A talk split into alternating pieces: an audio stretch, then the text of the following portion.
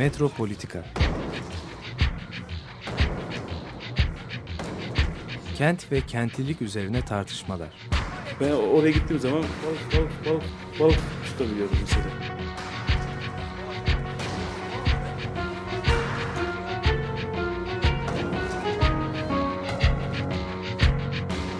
Hazırlayıp sunanlar Aysin Türkmen, Korhan Gümüş ve Murat Güvenç. Takusuyor yani. kolay kolay boşaltamadılar. Yani elektrikçiler terk etmedi Perşembe Pazarı merkezinde. Merhabalar değerli Açık Radyo dinleyicileri. Günaydın. Metropolitika başlamış bulunuyor şu anda. Evet, Aysin Türkmen'le ben Korhan Gümüş birlikteyiz. Ee, haberlerimizle başlayalım. Aysin istersen. Ee, ben şimdi Açık Radyo'daki ilanlarından da duyuyorum. İstanbul Modern birkaç gün sonra kapatılıyor ve Beyoğlu'ndaki geçici yerine taşınacak. Ee, üç yıllığına tahmin ediliyor bu inşaat süresince. Ee, böyle bir değişiklik var. Dolayısıyla bu e, Galata Port adı verilmiş olan yerdeki inşaat e, şeyi tam anlamıyla yolcu salonu da bir kısmında tekrar bir yıkım oldu. Genişlemiş bir şekilde sürüyor. Yani bu paket postanesi yıkıldı vesaire. Buradaki inşaat miktarını arttırmak için yerin altına doğru üç kat yerin altına inileceği için yerin üstünde yapı e, kalmayacak gibi gözüküyor. Yani İlginç bir deneyimdi. Ee, Bir süredir İstanbul Modern'e gittiğimizde aslında e, önemli bir sergi alanı gibiydi. Hani İstanbul'un inşaatla olan deneyimini İstanbul Modern'de de bizzat hani bir serginin içinde hani böyle inşaatın içinde yer alarak deneyimliyorduk. Çünkü- şantiye alanı gibiydi zaten. evet bayağı da Ee, şey O enteresan da aslında metaforik bir şey vardı. hani İstanbul Modern'e gidiyorum aslında inşaata gidiyorum. Aslında bir serginin içine gidiyorum. Aslında bütün İstanbul'un inşaatla olan ilişkisinin sergisine gidiyorum gibi böyle enteresan bir duygu yaratıyordu. Evet, içeride hafriyat kamyonları çalışıyordu ve onlar böyle yığılmış molozları taşıyorlar falan. Çamur içinde yol falan. E işte otopark alanında beton mikserleri, kolon şeyler gözüküyor. Kuleler işte içinde mıcır falan olan, çimento olan kuleler. Öbür tarafta da işte Mimar Sinan Üniversitesi'nin, Resim ve Heykel Müzesi'nin müstakbel mekanı için e, yavaş da olsa bir takım adımlar atılıyor. Orada da bir proje yürüyor.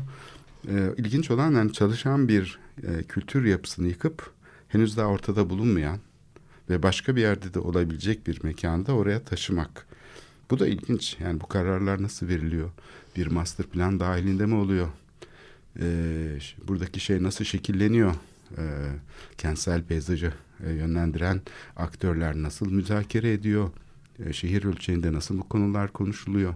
Bunları tam bilemiyoruz. Bunları düşünmek için aslında yaklaşık bir yarım asırlık süre vardı İstanbul'un önünde. Çünkü bu mekanın 1958'de yapıldığını biliyoruz değil mi? Ee, dış ticaret limanı olarak. Dolayısıyla 50 sene en azından ve belki daha fazla konuşulabilirdi bu İstanbul'un sahiliyle ilgili. E, Çok bir konuşuldu aslında da. konuşma şu şekilde yaparız yapamazsınız şeklinde oluyor. Bu da çok İhaleye veririz veremezsiniz. Evet. Konuşmak anlamına geliyorsa eğer sadece hani jestler üzerinden belki de mimiklerle de konuşulabilir bu vaziyette. Birisi göz kırpıyor, öbürü hayır diyor. Yok yok yok falan diyor. Bunu bu şekilde konuşuyoruz biz şehirle ilgili Bazıları konuları. ağlıyor tabii bu durumda bizler gibi. bu şehir ne oluyor diye. Ee, tabii az buz bir konu değil yani bütün tarihi merkezin yani Beyoğlu'nun sahillerinden söz ediyoruz. Ve bunun dönüşümünü konuşuyoruz. Ya bir de gerçekten şöyle söylemek lazım ki bence dünyanın en güzel yerlerinden biri. Hani fiziksel olarak da hani Boğaz'ın böyle bir noktası hani e, müthiş. Yani çok özel bir yer ya. Halice giriş hani böyle bir e, coğrafi oluşum ve böyle bir coğrafi oluşumun üstünde bir kentin oluşması e, yani dünyada kaç yerde vardır bunu da söylemeden geçemeyeceğim yani çok özel bir yer yani. hakikaten. Yani Beyoğlu demek aslında sahil demek. Biz Beyoğlu deyince hep İstiklal Caddesi'ni dikkate alıyoruz ama aynı zamanda Beyoğlu'nun e, bütün e, geçmişindeki şeyi oluşturan e, diyelim ki ekonomik faaliyetleri, ticareti, sanayi faaliyetleri bunlar ise sahilde yer aldığı için aslında Beyoğlu'nun yani biz kentsel sit alanı ise hala bu kavram kullanılıyor çünkü aslında birlikte ele alınması gereken bir konu. Bizim e, giriş müziğimizde de e, Galata esnafı, yıllardır Galata esnafı olan, Galata'da doğmuş büyümüş olan Ahmet abi ben orada e, balık tutardım der. Yani Evet. nasıl hani Galata ile esnaf, Gal- Galata esnafıyla oranın nasıl ilişkide olduğu, oradaki çocuklukları nasıl geçirdiklerini hani bunu vurgulamak üzerine de önemli bir şeydir bu. Yıllardır, 12 senedir bizim giriş müziğimizde Ahmet abi bunu söylüyor. Evet şimdi sanayi bölgesi dedik, ticaret bölgesi dedik. Aynı zamanda da halkın yaşadığı özellikle de ge- gelir Balık tuttu. seviyesi düşük insanların yaşadığı bir bölge. Oradan yani Fındıklı'dan denize girildiğini falan hatırlayanlar var. Bugün hala Fındıklı'da biz denize girerdik diyen mahallede oturan insanlar var. Yani bu şekilde bir kıyı kullanımı söz konusu. Böyle bir hapishane duvarı gibi kapatılmış bir alan değil geçmişte. 1958 yıkımlarından sonra gerçekleşen inşaatlarla birlikte burası aslında halka kapatılıyor. Daha önce tabii özel şirketler var. Ford fabrikası var ondan çok önce falan ama bunlar gene aralardan bir takım geçitler veriyor ve yekpare bir alan olarak kapatılmış, gümrüklenmiş bir saha değil. Şimdi buradan bu değişimin yani e, Beyoğlu sahilindeki bu değişimden tekrar e, ben e, şeye doğru gidelim diyorum. Birkaç tane konuyu bu programda ele alalım. Bir tanesi Yürüye yürüye giderek yüreğe yüreğe yukarı doğru çıkalım. yukarı doğru çıkalım. İstersen ilk önce Taksim'e çıkalım. Çünkü Taksim önemli. Ee, şimdi Taksim Camisi ile ilgili e, işte şey ortaya çıktı. Yani yapı, yapının e, kabaca e, betonarmesi bitti. Yani ince yapı kısmına gelindi ve bir yıllık süre içinde de tamamlanacak. E, bu yapı tabii bir Osmanlı mirası olan e, Maksim'in üstünde gerçekleşiyor.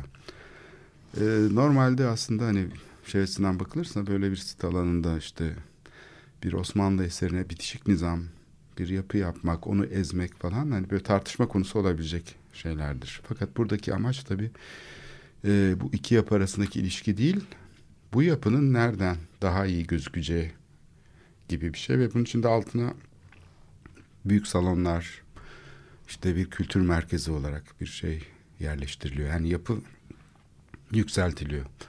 Bu yükselmenin gerekçesi olarak da şey örnek veriliyor. Ondan çok daha uzakta olan meydana Ortodoks Kilisesi, Rum Ortodoks Kilisesi'nin yüksekliğiyle Ermeni Katolik Kilisesi'nin yüksekliği e, anlatılıyor. Bir Biraz tanesi Şeyi hatırlattı bana. Kadınların kendilerini daha iyi göstermek için topuklu ayakkabı giymesi gibi bir şey. Evet. Burada tamamen Gösteriş. gösteriş. Yani şey bu. e, aslında mimarlık açısından baksaydık konuya. yani sadece bir mimari konu olarak baksaydık. Bir cami inşaatının günümüz koşullarında nasıl olacağı gibi bir tartışma vardır biliyorsun. Bu mimarlık dergileri de çok yansıdı. E, işte kubbe tartışması çok yansıdı. Yani betonarme varken ve yeni yapım teknikleriyle niye kubbe kullanılıyor? Bu simgesel şeyi yani cami şeyinin formunun işte e, simgeselliği üzerinden tartışılıyor. Ancak şöyle bir şey de var. Hani biz Viole Leduc'un 1850'lerdeki e, günümüzün mimarisi diye bir tanım ortaya attığını görüyoruz e, kitaplarında.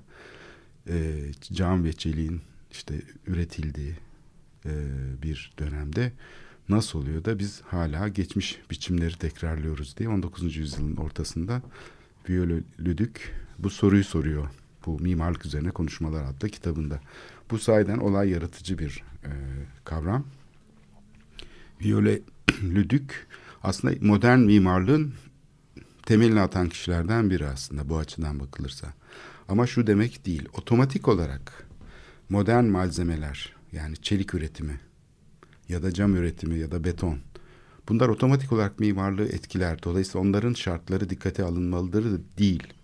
Aslında sorgulama araçlarından biri haline alıyor. Bauhaus'la birlikte diye düşünürsek yani malzemenin de ve teknolojinin de bir sorgulama aracı olarak kullanılması mimarlıkta mümkün. Mesela geçmişte çok derin kazılar yapılamıyordu bu kadar. Şimdi mesela bir Demirören binasında yer üstünde olduğu kadar yer altında da inşaat yapıldığını görüyoruz.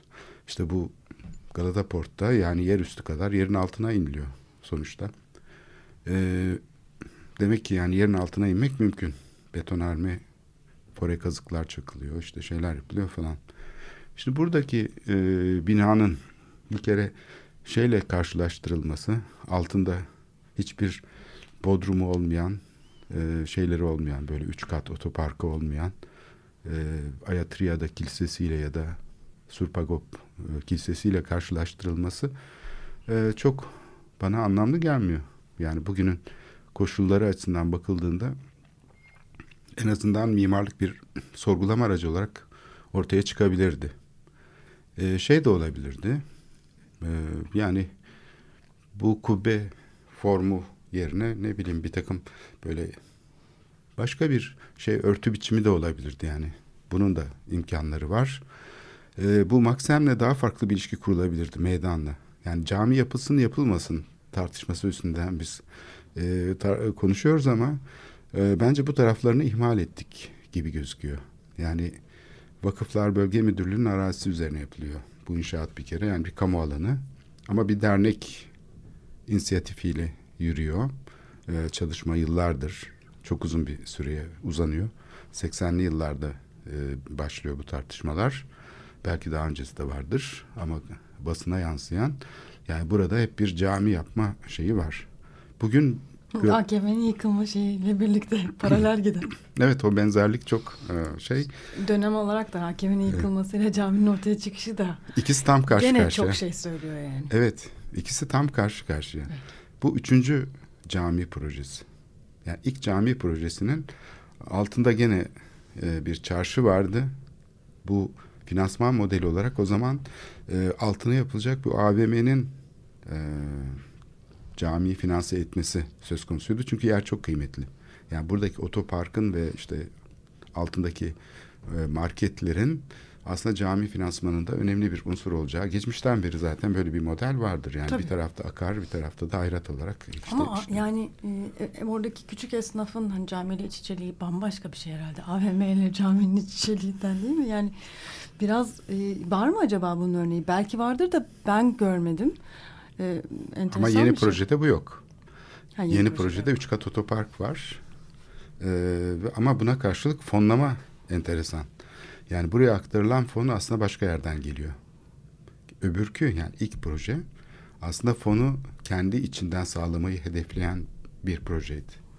İlk Taksim Camisi projesinde e, şeyin kendisinden gelir getirici bir pay ayrılması söz konusuydu inşaat alanının kendisinden. Bugün ise mimarın da aynı zamanda şu anda gerçekleşmekte olan hemen Elma Dağı'daki muazzam inşaatın yatırımcısı olduğunu düşünürsek yani bu cami projesini yapan mimar aynı zamanda e, Surp Agop e, Vakfı'nın ve hastanesinin bulunduğu o büyük alanı Elma Dağı'daki Dolapdere'ye doğru uzanan Elma Dağı'dan Dolapdere'ye uzanan büyük alandaki inşaatı yapan kişi. Ee, buradaki mimarlar artık yani bu tip işleri yapan mimarlar sadece projeleriyle gündeme gelmiyorlar. Onları çok siyasetçilere benzetebiliriz. Aslında biz mimari kısmını görüyoruz. Yani bir mimar işte proje çizmiş zannediyoruz. Halbuki finansmanıyla da Arkasında halbuki finansmanla birlikte geliyor. Ee, ve o işin görünür kısmı. Yani mimari projeyi yapan kişi aslında mimar olarak karşımıza çıkıyor ama aslında bir yatırımcılar topluluğunun e, şeyini örgütleyen e, kendi çalışmalarıyla ve teşebbüs somutlaşmasını- haline getiren. teşebbüs haline getiren yani mekana doğru uzanmasını sağlayan bir yatırımcı. Dolayısıyla bu projeyi de aynı mimarın yapıyor olması ve aynı zamanda sarayın da mimarı olması e, çok anlamlı. Yani hem Elma Dağı'daki projeyi hem e, şeydeki projeyi Taksim'deki cami projesini ve aynı zamanda sarayı da yapan mimar aynı kişi. Ve bu tabii yurt dışından geliyor e, yatırımcılar yani fonlayanlar bu inşaatları yurt dışından e, getiriyorlar. Dediğim gibi bu mimarın da zaten bu konuda bir e, büyük şirketi var Brüksel'de E, ve bu Yatırım finansmanı. finansman alanında mimarlıkla eş e, koşulda gidiyor. Dolayısıyla hani biraz böyle cami, opera binası falan bunlar aslında işin ne denir? Süsü. Süsü gibi kalıyor. Yani Hayır çok aslında yani biz e, bize süs gibi gelmiyor. Onlar için süsü. Bizim için bütün tartışma konusu hani bütün herkesin ideolojik olarak birbirini hani gördüğü, birbiriyle konuştuğu, hatta kavga ettiği alanlar. Ama onlar için hani böyle büyük yatırımları buraya getirip bütün finansmanları sağlamış insanlar için hakikaten aslında süsü. Şimdi burada tabii gördüğümüz ve görmediğimiz diye bakmak lazım. Bu şehirde gerçekleşen büyük projelere baktığımızda ben mesela 3. Havalimanı projesine biraz baktığımda Hatta Kanal İstanbul. Kanal İstanbul ya da yani işin cesameti hakkında Üçüncü köprü. Yani bunları da evet, söyleyelim. bunların siyasetçilerin karar verebileceği konular olarak açıkçası görmüyorum. Yani Siyasetçiler aşıyor aslında. siyasetçilerin de bizim gibi sonradan belki haberleri oluyor diye espri yapıyordum geçmişte. Sahiden buna inanmaya başladım. Çünkü üçüncü köprüyü biliyoruz zaten. Hani e, yönetimde olan kişiler karşıydı geçmişte. Üçüncü köprü hele kuzeyde yapılana iyice karşıydılar. Buna neler söylememişlerdi o zaman değil mi? Yani bu Ama iktidara gelince karşı olmanın imkanı kalmıyor. Nasıl oluyor? Heh, şimdi burada kalmaması çok enteresan çünkü iktidar bloğu öyle şekilde oluşuyor ki eğer siyasetçi bu bloğun içinde yer almayı reddederse aslında işi bayağı zor demektir. Dolayısıyla kolayı seçiyor. Ama bu sefer de seçtiğinde de sanki kendisi projenin en büyük savunucusuymuş gibi gözüküyor. Topun ağzına aslında o geliyor. Evet görünürde Evet. yani işin sembolik tarafında siyasetçinin projesiymiş gibi. Yani kendisi Kanal İstanbul'a karar veriyor. Kendisi 3. Havalimanı yaptırıyor. 3. köprü kararını kendisi veriyormuş gibi gözüküyor. Yani orada birdenbire aslında Yılmaz bir bekçi haline geliyor bu iktidar bloğunun. Oysa ki iş çok daha komplike. Biz tabii e, bu görünür yüz üzerinden tartıştığımız için e, aslında muhalefet de burada çok e, şeyini e, den yoksun kalıyor. Yani görünmeyen kısmıyla uğraşamadığı için bu gör, gösterilen kısmıyla uğraştığı için sadece olay bir tercihten ibaretmiş gibi. Ve ideolojik savaşmış gibi oluyor. Evet tamamen bir öyle bir karşılaşma halini alıyor ve o zaman iktidarın nasıl işlediği, nasıl oluştuğu bunlar hep e, göz ardı edilmiş, Proje, gölgede kalmış. nasıl gerçekleşebildiği. Evet. Bunları sorgulama imkanından mahrum kalıyoruz. Yani iş sadece karşı olmak veya kabul etmek, yandaş olmak gibi anlaşıldığı sürece aslında muhalefet çürütülmüş oluyor. Çünkü muhalefetin böylece şey gücü kalmıyor. Olayı etkileyebilecek bir gücü kalmıyor. Çünkü olay çok bambaşka bir yerde geçiyor aslında bakılırsa. Ve onun yaratmış olduğu o asimetri, o büyük sermaye birikimiyle hareket etmenin yaratmış olduğu büyük gücün karşısında e, bize çok şeymiş gibi gelen hani siyasetçinin kararlarıymış gibi göstererek onun üzerinden tartışmaya başlanıyoruz başlanıyor ve bunun üzerinden tartışırken de aslında sistemin nasıl işlediği gözden kaçmış oluyor. Aslında yani neredeyse hani e, bence kapitalizm böyle işliyor. Yani ideolojileri yaratarak ve hani bu e, a- tarafları yaratarak ve politik düzlemde bunları hani bir şekilde aslında piyano olarak oynayarak altta bir sürü projenin e, esas kapitalizmin işleyişinin şu anda da büyük projelerle işleyişinin e, o yola açılmış oluyor. Hani yukarıda bu tartışmalar dönerken alttan bir sürü şey zaten böyle oluşturulabiliyor. Yani bu mekanizmanın en önemli parçası aslında. Hani burayı çok yani burayı çok kaçırıyoruz ama hiç kaçırmamamız gereken noktası burası. Yani kapitalizmin nasıl işlediği yani devletler bazında değil bütün bunlar. Hani Evet, devletin kesinlikle. ne olduğu bile önemli değil o noktada. Dediğin gibi yani iktidarda kimin olduğu, politikacının kim olduğu bile önemli değil aslında o noktada. Aşağı tarafta olan böyle büyük projelerde özellikle ki bugün şehirleri belirleyen ulus yani ulus devletleri belirleyen projeler bunlar Kanal İstanbul'dan bahsettiğimiz zaman ama, ama altta bambaşka dinamikler yolu. Evet ve burada muhalefete tabii yer kalmıyor yani itiraz etmenin bir imkanı da kalmıyor. Yani muhalefet o zaman burada hani dediğin gibi aslında e, belki de şu anda yaptığımız şeyi sürekli yapmak zorundayız. Yani gördüğümüz esas oyun değil. bu değil. Başka bir yerde oyun dönüyor. Hani Bu bir oyunu tuzak tekrar aslında. tekrar. Bu ha, evet bu bir tuzak. Yani Bize- tuzak çünkü Evet, siyasetçinin evet. tercihiymiş gibi Evet. e, bize gösteren e, ve bunun üzerinden tartışmamızı yani bak bak buraya bak diyen bize bir Evet. şey. Orada gösterdiği şey aslında görünmeyen bir kurumsal işleyişin e, basit bir şeyi oluyor. E, ne diyelim semptomu oluyor. Bunun üstünden konuşuyoruz. Özellikle de bu- yani bu büyük projelerde ve son dönemde bu yatırım finansmanlarının nasıl oluştuğu. Yani nasıl oluşturuyor? Kimler bu aktörler? Yani hangi gruplar var? Nasıl bu gruplar değişiyor, dönüşüyor? Yani mesela senin de, demin dediğin gibi yani kimse mesela hani bu üç ayrı e, alandaki mimarın esas rolünü yani mimar olarak da gözüküyor ama esas yatırım finansmanı yaptığını biz konuşmuyoruz hiçbir yerde. Yani bunun e, ortaya çıkartılması ve buradan muhalefetin yapılması çok önemli. Evet burada siyasetçinin aslında söylemine baktığımız zaman bir tuhaf e, karışıklık da görüyoruz. Kimi zaman siyasetçi sanki böyle muhalefetmiş gibi de konuşabiliyor. Kendisi de işte bu şehre çok kötülük yaptık diyebiliyor falan. Yani sanki büyük sermaye karşıymış gibi, gökdelenlere karşıymış gibi konuşuyor. Aslında bu konuşmasıyla da... Bir şey ele veriyor. Evet, oradaki gizli bagajı ele veriyor. Yani bu sayede o da ancak bu süreçten kendisine bir pay ayrılarak aslında sürecin pasif bir katılımcısı gibi davranmamak için bunu söylüyor. Ben sürecin aslında aktif katılımcısı olmak istiyorum. Ben muhalefet değilim, ben iktidarım. Ben devletim hatta demeye çalışıyor. Yani karşısındaki şeyin e, içinde o gücün karşısında o da kendi şeyini bu şekilde e, korumaya çalışıyor kendi gücünü.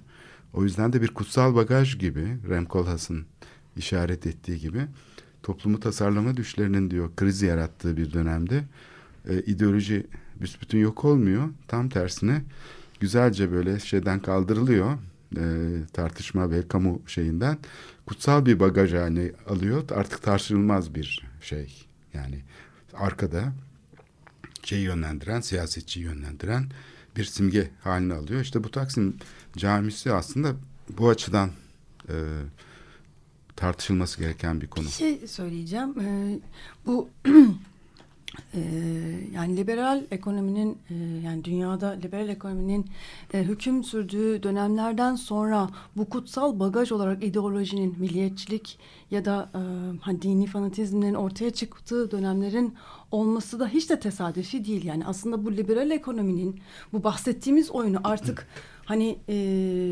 çok farklı şartlara getirmesi, yani bu büyük projelere dönüştürmesi, insanların üzerinden bu kadar ağır oyunlar oynamaya başlaması ancak hani yani kutsal bagajı e, bagajı dozu arttırılmış ideolojilerle artık mümkün olmaya başlıyor. Yoksa gizlenemeyecek. Yani gizlemek için aslında altta dönen dolabı, bu liberal ekonomide dönen dolabı daha da kutsal, daha da ağır, daha da milliyetçi, e, altından kalkılamayacak derecede sonuçları olabilecek ideolojiler halinde sunulmasını sağlıyor. Bu e, 19. yüzyılın başında olduğu gibi Birinci Dünya Savaşı'na yol açan, İkinci Dünya Savaşı'na yol açan ve bugün gördüğümüz yine fanatikleşme, milliyetçileşmeye yol açan süreçleri de düşünmemize de sebep bir şey. Evet bence. bu benzerlikler şaşırtıcı sayeden. E, çünkü e, mekan politikaları bunun çok önemli bir göstergesi. Öyle e, bir şey ortam yaratılması gerekiyor ki hiçbir demokratik e, şeyin e, tahammülü yok. Yani bir ne bileyim bir üçüncü havalimanında mesela demokratik bir şekilde tartışmak. O yüzden e, sayeden bu İstanbul'un mesela bu master planları falan hazırlanırken şeyin kapatılmış olması planlama sürecinin böyle kapalı kapılar ardında yapılması yani böyle bilim sınıfı tarafından yapılabilir bir şeymiş gibi gösterilmesi bugün tam da e, anlamını bulmuş oluyor. Çünkü bu projelerin içinde e, tamamen bu sınıf artık bağımlı işlev görüyor. Yani bağımsızlığı zaten laftaydı. Yani kendi hiçbir zaman bağımsız değil zaten. Bilim adına kendi kamu yararını temsil etmekten başka bir şey yapmıyordu. Çünkü hiçbir zaman katılımcı değildi. Farklı kamu yararı şeylerin tartışılabileceği bir ortamda hazırlanmıyordu projeler, planlar.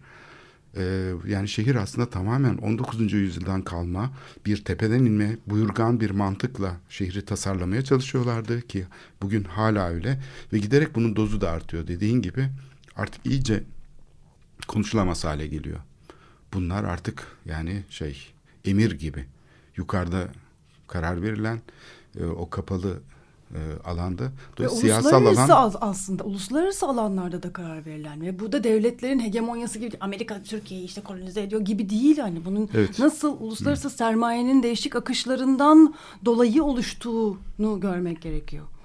Ve hani bunun da görmeyi e, mümkün kılan noktası aslında mekan siyaseti, siyaseti senin dediğin gibi. Yani tek bir yere yani hani 30 sene içinde neler oluyor?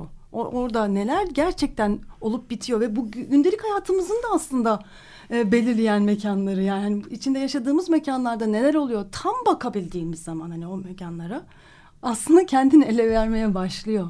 Hani bu da çok ilginç. Tam bakmadığımız için görmüyoruz. İyice baksak görülecek şeyler aslında. İdeolojik şeylerde takıldığımız için özellikle görmüyoruz neredeyse. Yani bu oyunun çok net hani e, seyircisi oluyoruz. Taraf olmakla sınırlı kalıyor buradaki katılım biçimi. Bunun ötesine geçmiyor. Yani sadece taraf olmak, karşı olmak veya yandaş olmak şeklinde gerçekleşiyor. Çünkü e, işin sahiden önünde bir sır perdesi var. Arkada neler olduğu bilinmiyor. İstersen bir nefes alalım. Burada müzikle devam ediyoruz. Programın ikinci kısmında görüşmek üzere.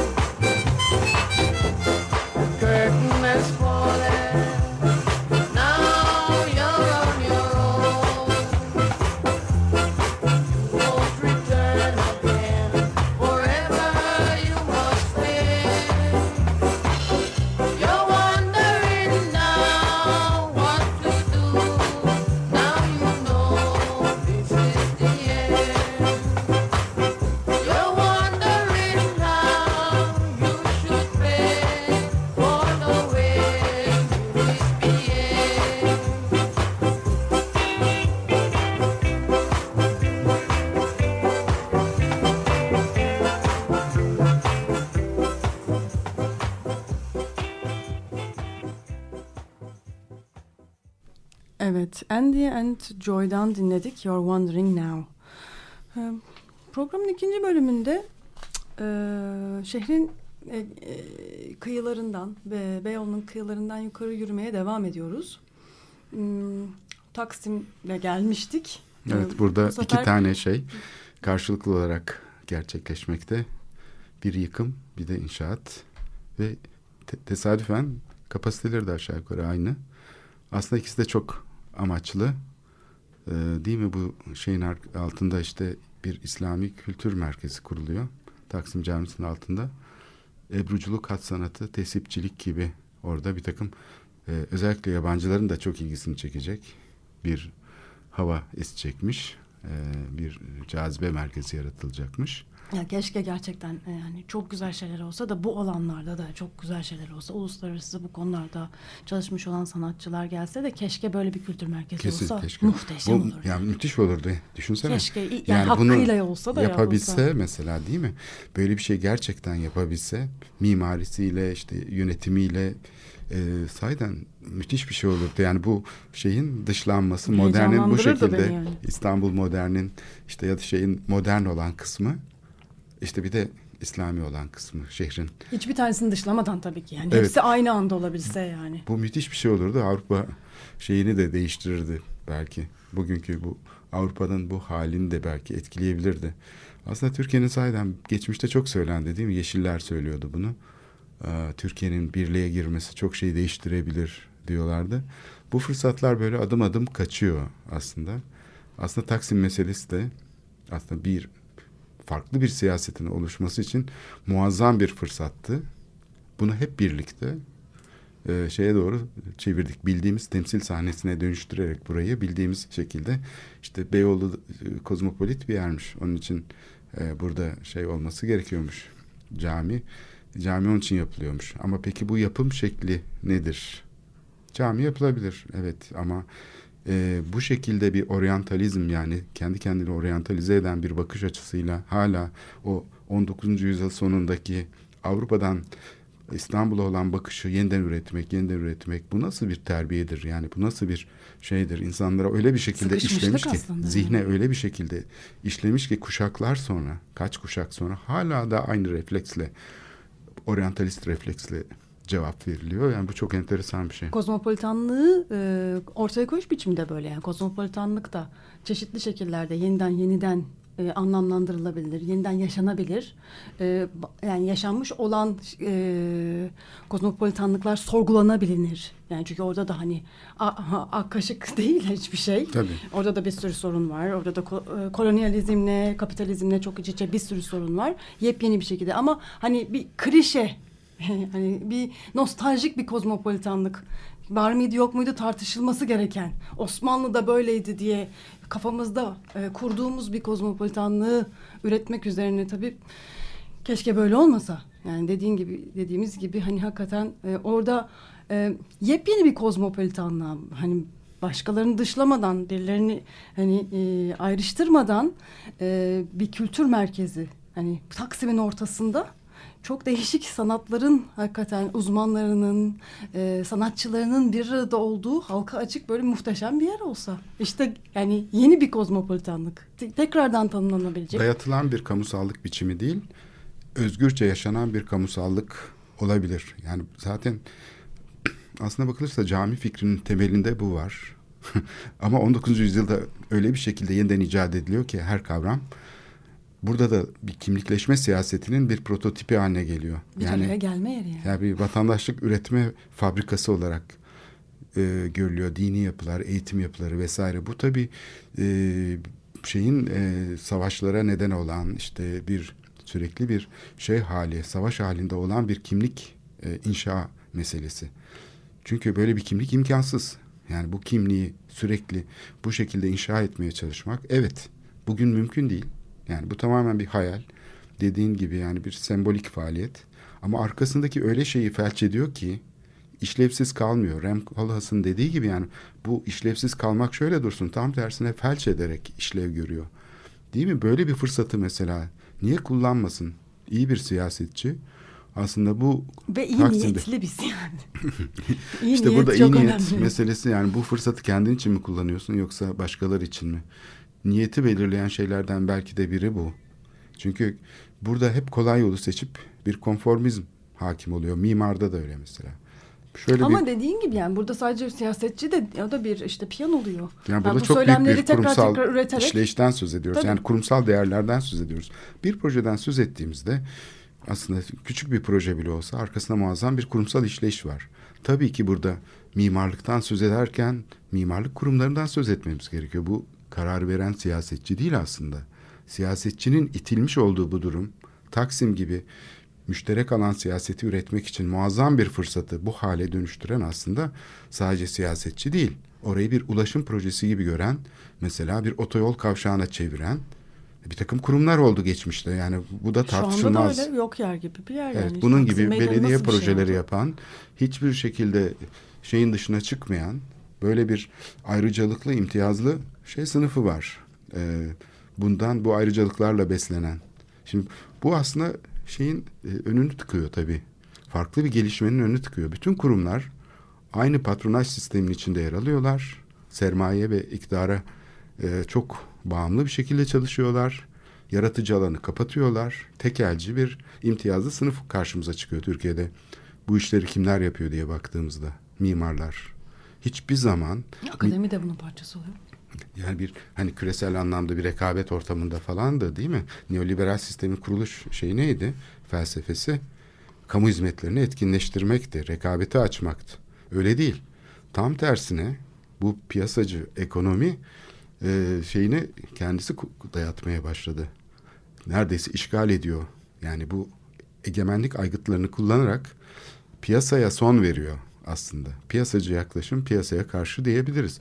Bütün bu alanları bu şekilde hakimiyet alanı haline getirerek kapatarak e, entelektüel üretimi felç ederek işte karşımıza bu tip e, projeler çıkıyor. Biraz Devam edelim mi yürümeye? Beyoğlu'na yürümeye devam Evet, edelim. Taksim'den e, böyle Galatasaray'a doğru.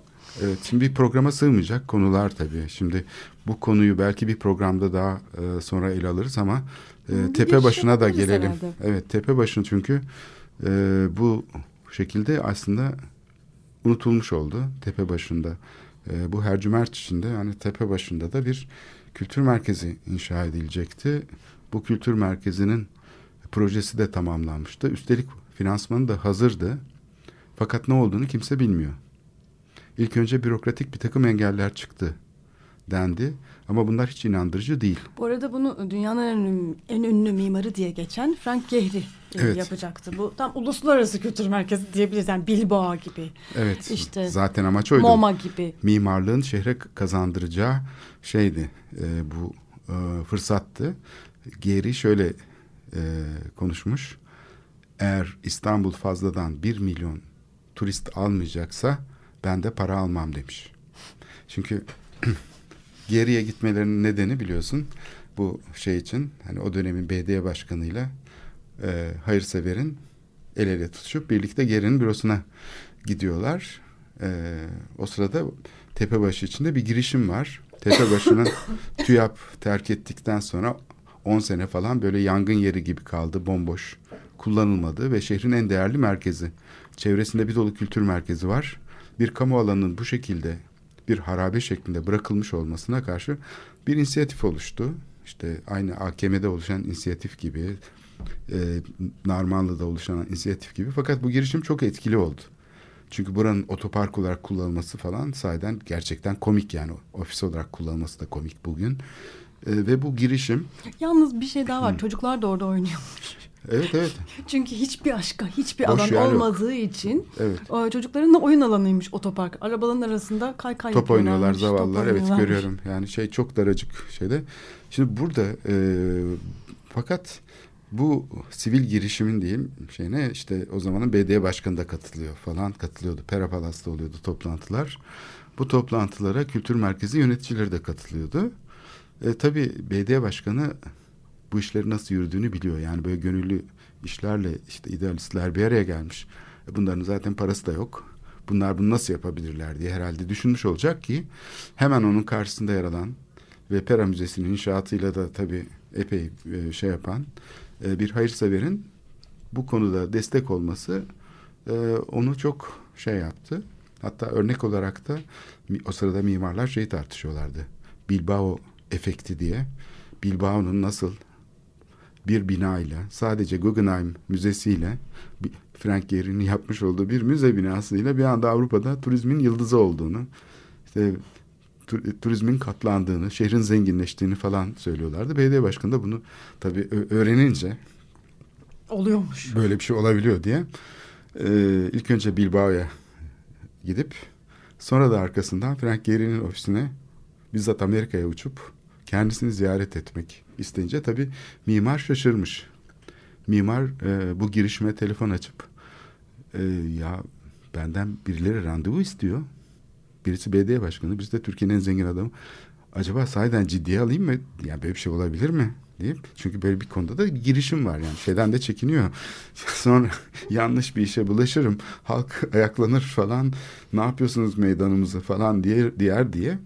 Ee, tabii yani böyle bir girişimin önünü kesmek neredeyse imkansız yani. Hem büyük bir bütçe konuyor.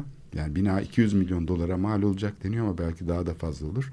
E bir de ondan daha fazla bir para bankaya konuyor ki e, bu şey yönetilebilsin bu kültür merkezi.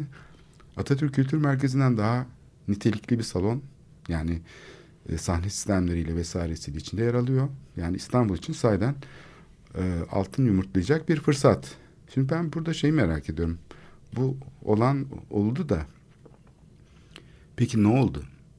Yani ben mesela Sonra ne oldu? çevresindeki niye otel- yok? otelin sahibi olsam, orada bir restoranım olsa, bir işletme olsa ne oldu bu başımıza ko- konacak talih ku- kuşunu kim kaçırdı diye sorarım. Yani sorulmaz mı bu soru? Kimseden bir ses çıkmıyor. Ben hayret ediyorum. Yani böyle bir proje tar- tartışılıyor, tanıtılıyor. Dönemin başbakanı çıkıyor iki defa kamuoyunun önüne çıkıyor. Biz bu projeyi yapıyoruz. İstanbul'a müthiş bir eser kazandırıyoruz diyor değil mi? Bu basında var. Ve peki sonra kimse merak etmiyor. Ne oldu bu eser? Niye durduruldu? Durduruldu mu? Bir takım gerekçeler ileri sürülüyor. Böyle çok enteresan söylentiler var. Bunlar arasında mesela bir tane TRT Genel Müdürü'nün işte istediği para var. Bu aslında yani dönemin başbakanı kolaysa yani böyle bir karara karşı çık. Hayır ben efendim istemiyorum de TRT Genel Müdürü olabilir misin bu ülkede? yani bir, bana da hiç gelmedi. Ee, başka şeyler var. Mesela o sırada işte belediyede üst düzey bir görevli şey diyor. E, burayı otopark olarak kullanacaklar. Otopark çok karlı bir yatırım diyor. Yani sanki paraya ihtiyacı varmış gibi o insanın tam tersine bu işe para yatırıyor. Sanki buradan gelir elde edecek. Burayı ele geçirecek. Böyle verilemez bir şahsa diyor mesela. Birdenbire bunu hatırlıyor. Yani dönemin başbakanı karar vermiş. Açıklama yapıyor. Sen belediyedeki alt tarafı bir başkan danışmanısın. Yani böyle bir açıklamayı nasıl karşı çıkabilirsin? Ben gene bu çok absürt geliyor bana. Yani bir belediye başkanının danışmanının koskoca başbakana karşı çıkması, eleştiri getirmesi, hayır veremezsin demesi. Gene burada da Bir buradaki sebep olarak da hani e, yatırımcının, özel sektörün orayı otopark olarak kullanmak için bu parayı veriyor de- demesi yani. bu da çok olarak. absürt yani değil mi? Çok komik.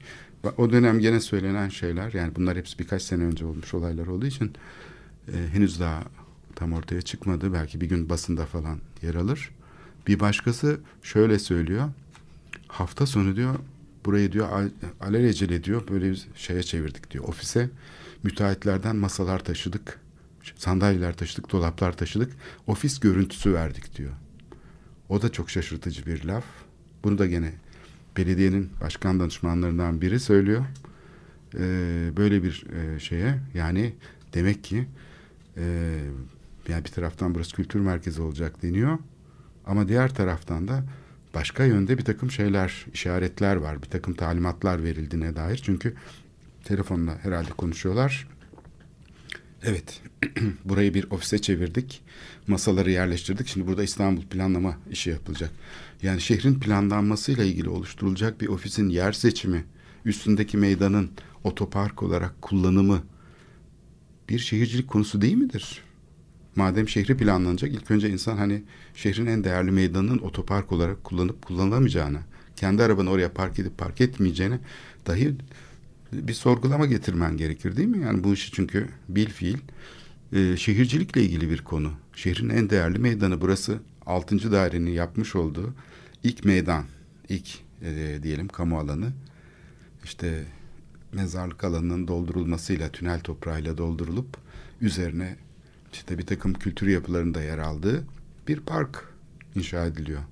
Yakın zamana kadar da yani Bedrettin Dalan zamanına kadar da işte deneme tiyatrosuyla, ondan önce yanan dram tiyatrosuyla ve ondan önceki Pate sineması ki neredeyse AKM büyüklüğünde bir salon. Burası kullanılıyor. Çok amaçlı bir şekilde kullanılıyor. Dolayısıyla nasıl olur da yani kalkıp belediyede çalışan birisi dönemin başbakanının verdiği bir kararı efendim biz hafta sonu buraya ofisten e, şeylerden müteahhitlerden talep ettik. Masalar vesaireler doldurduk ve ofis görüntüsü verdik ve burayı planlama bürosu haline getirdik diyor. Bu da hiç akıl alır şeyler değil. Bunlar hep böyle ortalıkta dolaşan söylentiler. Ee, herhalde bir yayın falan yapılırsa bu mesele açıklığa kavuşacak. Ee, Gila Ben Mayor'un bir Hürriyet'teki yazısında bundan söz ediliyor. Niye bu kültür merkezi yapılamadı diye bir kitap hazırlanıyormuş. O kitap çıktığında belki bu sorulara e, cevap da bulacağız. Ee, aslında yani bu alanın tarihçesinde de hep aynı şeyler oluyor.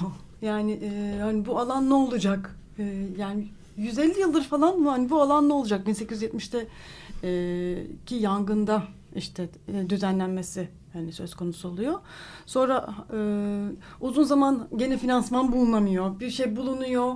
E, inşaata başlanamıyor. Ama en sonunda demin senin de dediğin gibi dram tiyatrosu e, burada e, yer alıyor.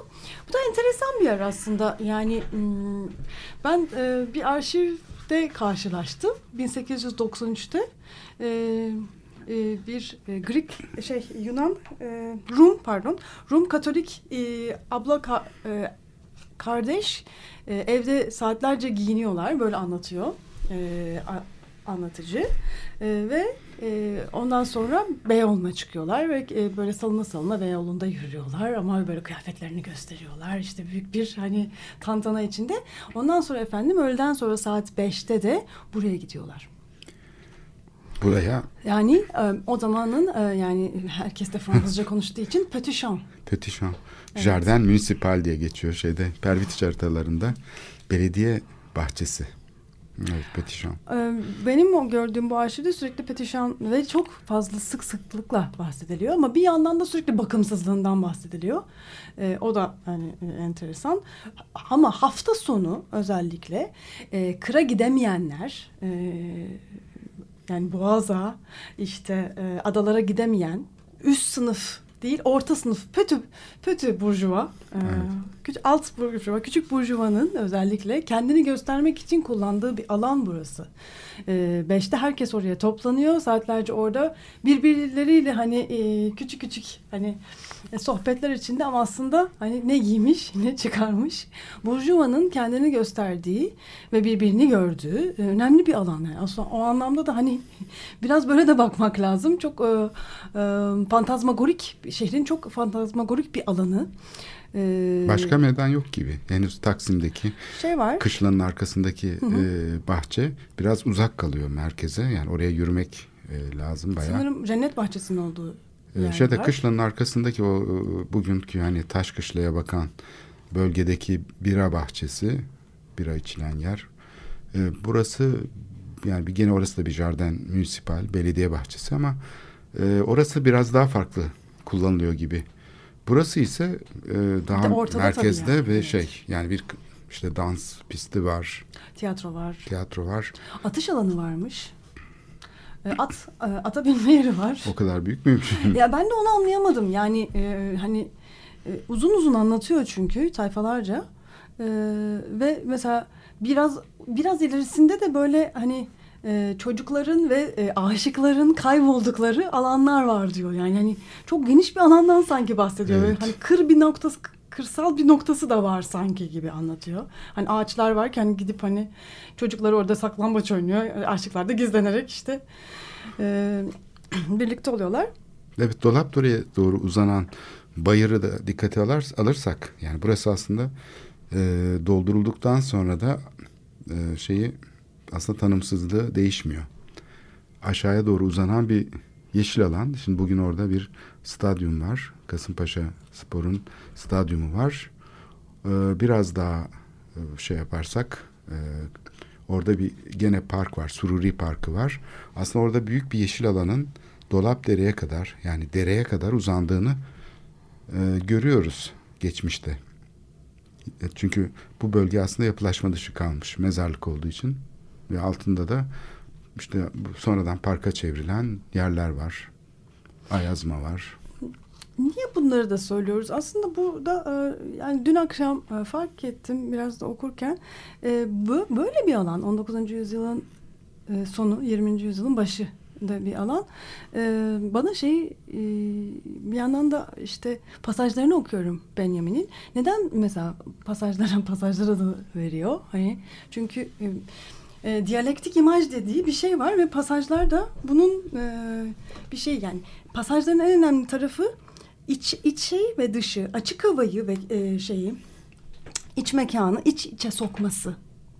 E, bir sürü farklı mekanı, farklı, farklı şekilde kullanılan mekanları iç içe sokarak bir araya getirmesi ve bu bir aradılık içinde onlara bakmamıza imkan vermesi. Ve böylelikle e, e, farklı bir şekilde görmemizi sağlıyor e, diyor. Yani e, bir e, bunla ve bu alanların e, yok olmuş olması, e, pasajların e, başlangıçtaki şeylerinden, e, işlevlerinden artık e, vazgeçmiş olmaları ya da yıkılmış olmaları da bize e, aslında modernin hep e, vaat ettiği ilerleme fikrini e, nasıl e, sorgulamamıza sebep olduğunu anlatması açısından buralara sürekli bakıyor ve buralardaki hikayelere, e, mekanların değişik işlevlerine, buradaki değişik birlikteliklere, kapitalizmin kendisini varoluş biçimlerine tekrar tekrar tekrar bakıyor. Bu e, pasajlara benzer bir şey e, bu e, Pötüşan yani tepebaşı ya bu, ve bugün de hani aynı tartışmaları yapıyor olmamız hani nasıl aslında e, hani ilerlemiyoruz hani ilerleme fikrini sorgulamamıza mekandan dolayı bu sorgulamaya gitmemize sebep oluyor. E, o yüzden pasajlar gibi bakılabilecek bir alan olduğu fikri çıktı. Çünkü bu hani e, açık alanları var, kapalı alanları var tiyatro gibi. E, açık salonları var, kapalı salonları var. Hani tiyatroda öyle mesela bir tane sadece şey teras gibi bir alanı var. Üstüne sadece bir dam konulan yine açık ama kapalı sayılabilecek. Hani pasajlara çok benzeyen bir şey olması dikkatimi çekti. Evet bu ortak alanın hangi muayele dünyasını şey yaptığını düşünürsek tek bir muayele dünyası yok. Bunun içinde birçok muayele dünyası iç içe giriyor. Bunu yani yukarıdan bakışla işte şehrin kamusal alanı demek yeterli değil.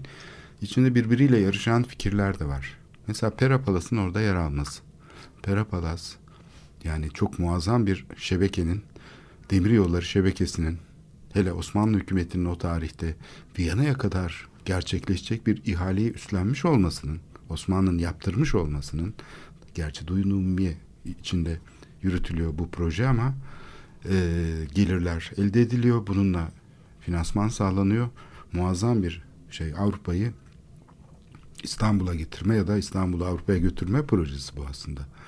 Yani Perapalas'ın hemen bunun bitişinde yer alması da aslında hiç şaşırtıcı değil. Peki bu proje nasıl kesintiye uğruyor diye bakabiliriz. Aslında kimlik siyasetlerinin sonucunda bir parça kesintiye uğruyor. Çünkü hem bu Avrupa projesi parçalanmış oluyor ulus devletler tarafından hem savaş bir dünya savaşı sonrasında aynı zamanda da aslında kamusal alan tanımı değişiyor.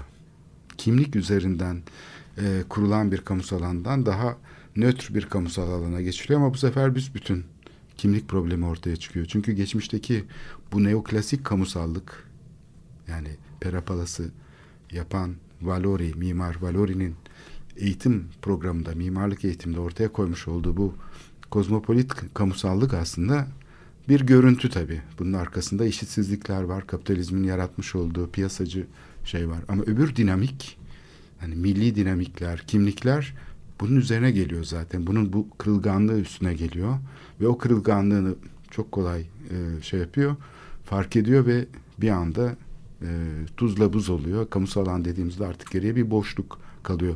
Yani gösterilen tarafı boş kalıyor. Temsil eğer bir temsil faaliyeti ise siyaset veya şehircilik gösterilen tarafında hiçbir şey kalmıyor artık. Sadece gösteren tarafına dahil edilmiş bir tanım kazanıyor kamusal alan.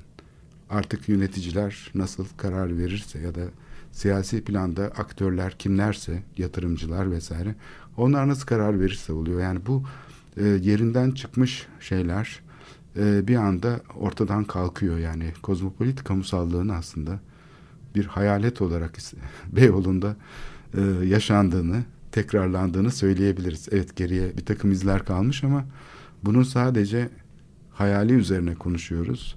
Ne olduğunu pek bilmiyoruz açıkça söylemek gerekirse. Ee, tekrar tekrar bakmak gerekiyor. Ne kaldıysa e, arşivlerden falan hani tam yani, keşfedemeyeceğimiz bir şey ama belki neydi? Yani evet. hakikaten bu, bu bu bu hayalet neydi ve bize daha neler söyleyecek? Söyleyecek çok şey var. Bugünün içinde çok şey söyleyecek. Herhalde. Hiçbir şey ilerlemedi çünkü. evet. Kapitalizmin dinamikleri tekrar tekrar aynı şekilde kendini e, var etmeye, tekrar etmeye devam ediyor. Evet bu tepebaşı meselesini tekrar gelişmeler olursa biz programa taşıyalım diyorum. Bu haftalık burada bitirelim. Önümüzdeki haftaya görüşmek üzere. Hoşçakalın. İyi haftalar.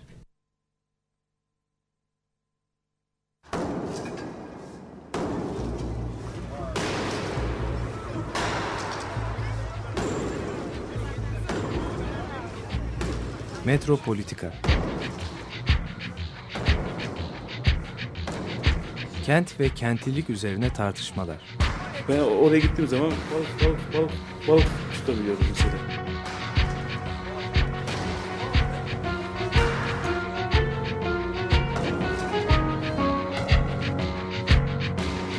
Hazırlayıp sunanlar Aysin Türkmen, Korhan Gümüş ve Murat Güvenç. Takusu yok yani. Kolay kolay boşaltamadılar. Yani elektrikçiler terk etmedi Perşembe Pazarı merkezinde. Açık Radyo program destekçisi olun. Bir veya daha fazla programa destek olmak için 212 alan koduyla 343 41 41.